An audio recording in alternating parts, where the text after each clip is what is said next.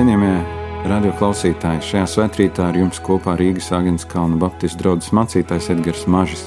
Mēs iesākam šo svētbrīdi Dieva Tēva, Dēla un Svētā gara vārdā, ieklausoties evaņģēlīja vārdos Lūkas evaņģēlijas 14. nodaļa no 15. panta. Kāds no galda viesiem to dzirdēdams sacīja: Svētīgs, kas ēdīs maizi Dieva valstībā. Bet Jēzus sacīja tam, kāds cilvēks taisīja lielu mīlestību un bija ielūdzis daudz viesu Viņš sūtīja savu kalpu ap mīlestības stundu, lai sacītu lūgtajiem viesiem: Nāciet, jo tas ir sataisīts. Bet tie visi pēc kārtas sāka aizbildināties. Pirmais viņam sacīja: Es esmu tīrumpircis, un man jāiet to apskatīt. Lūdzu, aizbildini mani. Otrs sacīja: Es esmu piecus jūgus vēršu pircis un eju tos aplūkot. Lūdzu, aizbildini mani. Trešais teica: Es sievu esmu apņēmis, tāpēc nevaru noiet. Kalps pārnācis to atsacīja savam kungam Tad nama tēvs tapa dusmīgs un pavēlēja kalpam: Izejas teikšus uz pilsētas ielām un gatvēm un ved šurp nabagus, kroplus, aklus un tīzlus. Un kalps sacīja: Kungs ir darīts, kā tu pavēlēji, bet vēl ir vietas. Tad kungs sacīja kalpam: Ej uz lielceļiem un sētmalēm un spied visus nākt iekšā, lai mans nams būtu pilns, jo es jums saku, neviens no lūgtajiem viesiem nebaudīs man mīlestību. Āmen!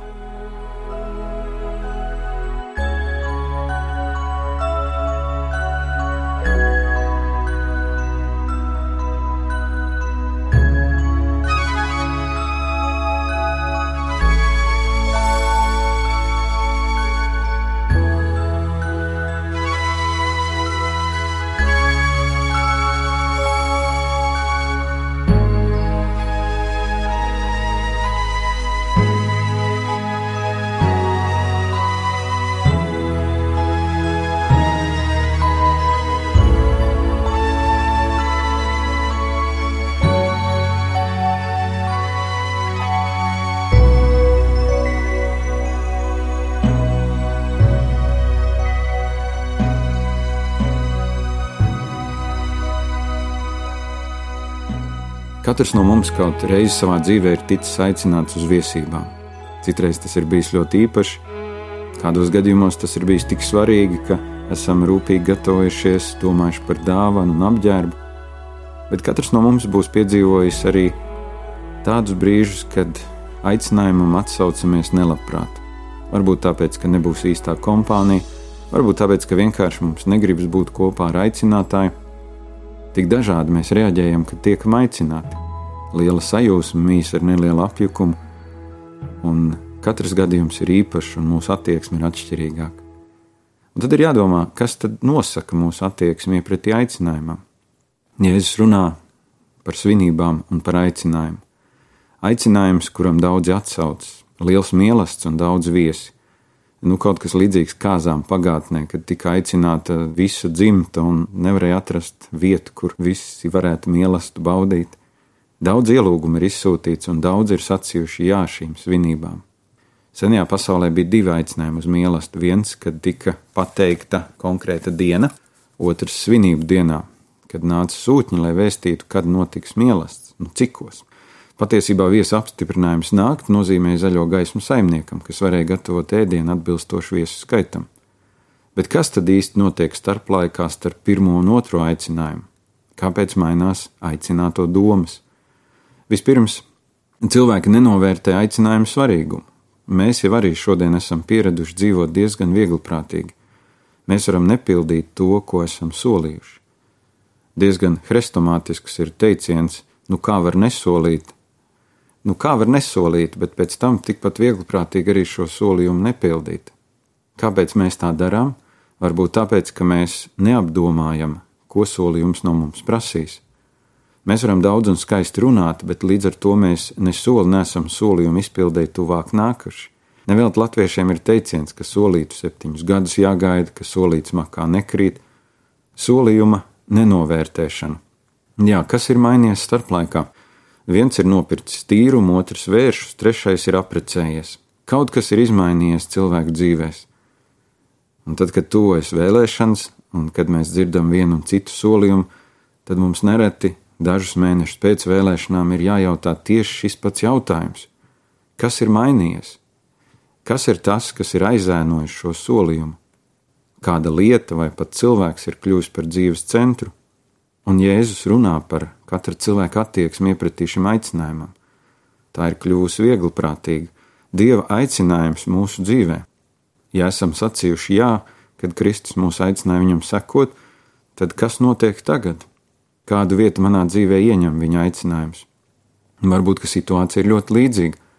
Aicinājums ir piemirsies, solījums ir aizmirsts, vai es esmu daudz solījis dievam, ko es neesmu spējis izpildīt. Vai tad, kad viņš man aicināja, es nesolīju viņam, ka sekošu viņam, lai kur viņš mani vadītu?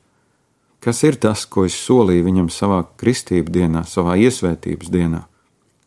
Kristus aicinājums nu nav nekā svarīgāk šajā pasaulē. Pats pats svarīgākais, kas var būt mūsu dzīvē. Un šajā brīdī mums uzmanīgi sev jājautā, kungs, vai es neesmu aizmirsis šo aicinājumu? To aicinājumu, kas man bija tik īpašs tad, kad tu krustoji manu dzīvi. Jo, ja es esmu aizmirsis, tad nāk kāda cita bīstama lieta. Cilvēks uzdrošinās domāt par aizbildinājumiem. Aizbildinājumi ir rezultāts no manas aizmāršības, no nepildītiem solījumiem. Aizbildinājums, kad es nespēju solījumu izpildīt. Vai tie ir nopietni aizbildinājumi, kurus min šie trīs cilvēki? Ne tikai trīs, visi pēc kārtas ja es runātu tikai par trīs aizbildinājumiem, bet iedomājieties, ka zem šiem trīs grupējas cilvēku simti, un ir vieglāk aizbildināties tad, kad man kaut kas ir, kad manās rokās ir kāda vērtība, kad cilvēcīgi skatoties, tas man dod lielu drošību. Tīrums un vērsis nav nekas cits kā mūsu darbs. Cilvēks ir iegūs labu darbu, un arī dzīvniekus, ar kuriem darbus veikt. Vai darbs ir labs aizbildinājums, lai neiet uz šīm svinībām? Jā, izklausās ļoti nopietni. Arī mācības varētu saukt par darbu. Cik daudz cilvēku sevi šodien aizbildina ar savu darbu? Pareizāk, mans iztikas avots, manas garās stundas, kuras es sūri grūti pavadu strādājot, aizbildina mani, ka es nevaru būt. Un šim aizbildinājumam ir, ir tik liela ticamība, ka mēs ne uz brīdi neapšaubām to, ka tas ir labi. Kungam vajadzētu būt priecīgam, ka man ir tik labs alibi. Man nav laiks dievam, jo man ir daudz darba. Man nav laiks baznīcai, jo man ir daudz darba. Man nav laiks iet un citiem par Kristu stāstīt, jo man ir daudz darba. Un darbs tik viegli kļūst lielāks par pašu Dievu. Ja pareizāk sakot, aizbildinājums dod kaut kādu veidu drošību. Es taču strādāju, un šodien cilvēks strādā patiešām daudz. Cilvēcīgi ir vieglāk tad, kad es saku, Dievs, taču tu to zini. Viņš man šo darbu deva, kā gan lai tas viņam nepatiktu. Grūtāk ir dzīvot ar izjūtu, ka tas nav nekas vairāk kā viens labs un skaists aizbildinājums, lai nenāktu pie Dieva un lai viņu neiepazītu vairāk. Bet ir arī otrs aizbildinājums, nemazāk svarīgs - aprecējies. Kāds svarīgs notikums, cilvēks, kas ir mana sieva vai vīrs, svarīgs un dārgs, īpašs un sargājams, bet šis cilvēks ir aizsedzis Dievu. Cilvēks kļūst lielāks par Dievu. Tas ir tas, ko tik bieži dzird šodien Ja viņš nāktu uz dievkalpojumu, tad es arī nāktu. Tā kā viņš nenāk, tad es arī nēju. Jēzus neliek akcentu šajā līdzībā uz precēšanos. Runa ir par jebkuru cilvēku, kas man un tev kļūst svarīgāks par dieva aicinājumu. Aizbildinājums. Jēzum kādā citā vietā ir jāsaka bargi vārdi par otru cilvēku vairāk mīlēšanu kā viņu. Kāpēc mēs aizbildinām sevi? Vai tāpēc, ka mums negribas neko mainīt savā dzīvēm? Vai vaina ir tajā, ka mēs esam tik piesieti lietām un cilvēkiem. Aicinātāja reakcija ir saprotama. Mēs lasījām, tad nama tēvs tapa dusmīgs. Šis nama tēvs šajā līdzībā varētu būt Dievs. Dieva reakcija ir pārsteidzoša. Viņam taču vajadzētu priecāties par to, ka esam viņa bērni, viņam vajadzētu mūs nepārtraukt mīlēt un paiet un vienkārši piemiegt acis, tad, kad mēs grēkojam. Bet Dieva skatījumā katrs aizbildinājums, ko mēs izsakām saistībā ar viņu, un arī ar viņa draugu ir smags un nopietns grēks. Jo aizbildinājumi parasti nāk tad, kad mums kaut kas ir. Ja mēs būtu nabagi, tad mums nebūtu iemesla aizbildināties. Bet tad, kad Dievs mūsu rokās ir ielicis kādas lietas un cilvēkus, mēs varam kļūt lepni, mēs varam sākt noraidīt pašu šo dāvanu devēju. Dievs nepriecājas par mūsu aizbildinājumiem, lai cik pamatot un skaisti tie nebūtu, jo pašos pamatos jautājumam būtu jātop atrisinātam jau tajā brīdī, kad mēs sacījām viņam jāvārdu. Ja es esmu licis roku pie arkla, tad man ir jāiet uz priekšu, tad es nevaru skatīties atpakaļ. Bieži mani pašu pārsteidz, cik daudz es pats tiek kārdināts skatīties atpakaļ. Bet daudz vairāk man sāpina tas, ko es redzu gan draudzē, gan sabiedrībā. Tik daudz cilvēki nāk ar aizbildinājumiem, pamatotiem, labiem, loģiski sakārtotiem, bet tomēr nekas vairāk kā aizbildinājums. Un tad varbūt mazliet var iejusties šī nama tēva situācijā. Aizbildinājumi, mīļie draugi, ir slidena lieta, jo mēs nezinām, cik liktenīgi tie būs mūsu dzīvē. Neviens no lūgtajiem viesiem nebaudīja šo brīnišķīgo mīlestību. Neviens. Absolūta vienaldzība un trulums, zināmā mērā fenomenāla vērtība maiņa. Un Jēzus vārdi liek domāt ne jau par šīs zemes mīlestiem, kur varbūt ir cerība, ka tiks aicināts vēlreiz, bet būtu briesmīgi, mīļie draugi, ja savu aizbildinājumu dēļ kāds netiktu uz debesu valstības mīlestību. Bet kā tad lai tur tiek iekšā? Mēs lasījām šajā līdzībā, ka kungs aicināja nabagus, kroplus, aklus un tīzlus.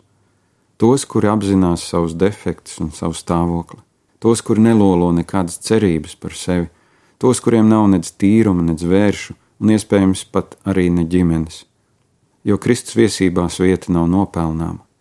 Viņš aicina gan vienus, gan otrus, Un tomēr ir kaut kas tāds, kas mums katram ir jāizdara. Mums ir jāatsaucas šim aicinājumam. Un varbūt mēs esam vienā vai otrā grupā. Varbūt, ka šajā rītā tu pirmo reizi dzirdēji Kristus aicinājumu un gribi viņam sekot. Varbūt, ka tu jau esi sekojis, bet šobrīd esi sasiets savos aizbildinājumos. Aizbildinājums neticēt ir bīstams aizbildinājums nekalpot ir bīstams, jo aicinātājs redz mūsu attieksmi. Un tāpēc mēs esam kā spoguļi priekšā, kur mums Dievs ir nolicis, lai mēs ieraudzītu, kādi mēs esam. Varbūt, ka starp pirmo un otro aicinājumu ir kaut kas noticis, kaut kas būtisks noticis. Varbūt esmu pievīlies, varbūt kādi cilvēki man ir darījuši pāri, bet aicinājums joprojām skan: nāc un baudi man mīlestību nāc un atsaucies. Lai Dievs palīdz mums katram šajā rītā šo atsaukšanās izvēli izdarīt. Āmen!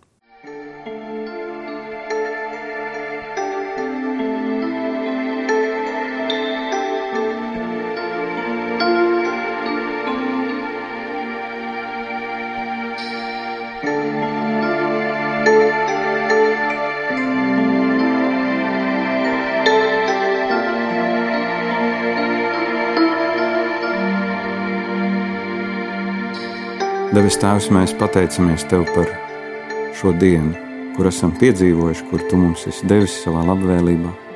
Mēs pateicamies un kopā ar mūsu katoļu māsām un brāļiem arī esam vienoti šajos lielajos svētkos, Marijas debesīs uzņemšanas svētkos, kur tuvojas. Kungs, Jēzus, paldies par daudziem svētceļniekiem, kuri šajā laikā atsaucās Tavam aicinājumam un kur izdzīvoja gan fiziskus ierobežojumus, gan arī iespējams garīgus pārbaudījumus ceļā uz aglonu. Mēs lūdzam Dievu, ka tu svētītu viņus un piepildītu viņu sirdis ar prieku un mīlestību. Kungs, Jēzu, mēs lūdzam par savu valsti. Lūdzam Dievu par mieru, nāc ar savu mieru un nomierina cilvēku satrauktās sirdis. Un paldies, ka arī šajā rītā tu mūs aicini. Aicini pie sevis, aicini mūs savā mīlestībā tur, kur viss ir sagatavots, kur mēs varam baudīt un priecāties par Tavu labvēlību. To lūdzam Kristus vārdā. Āmen!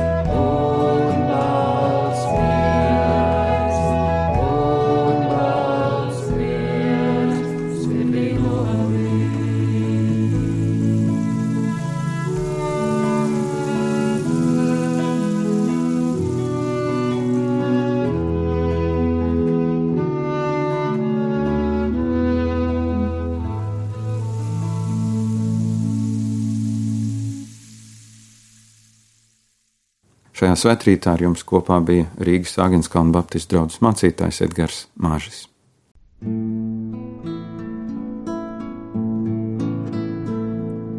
Kungs, tu esi mans Dievs, es meklēju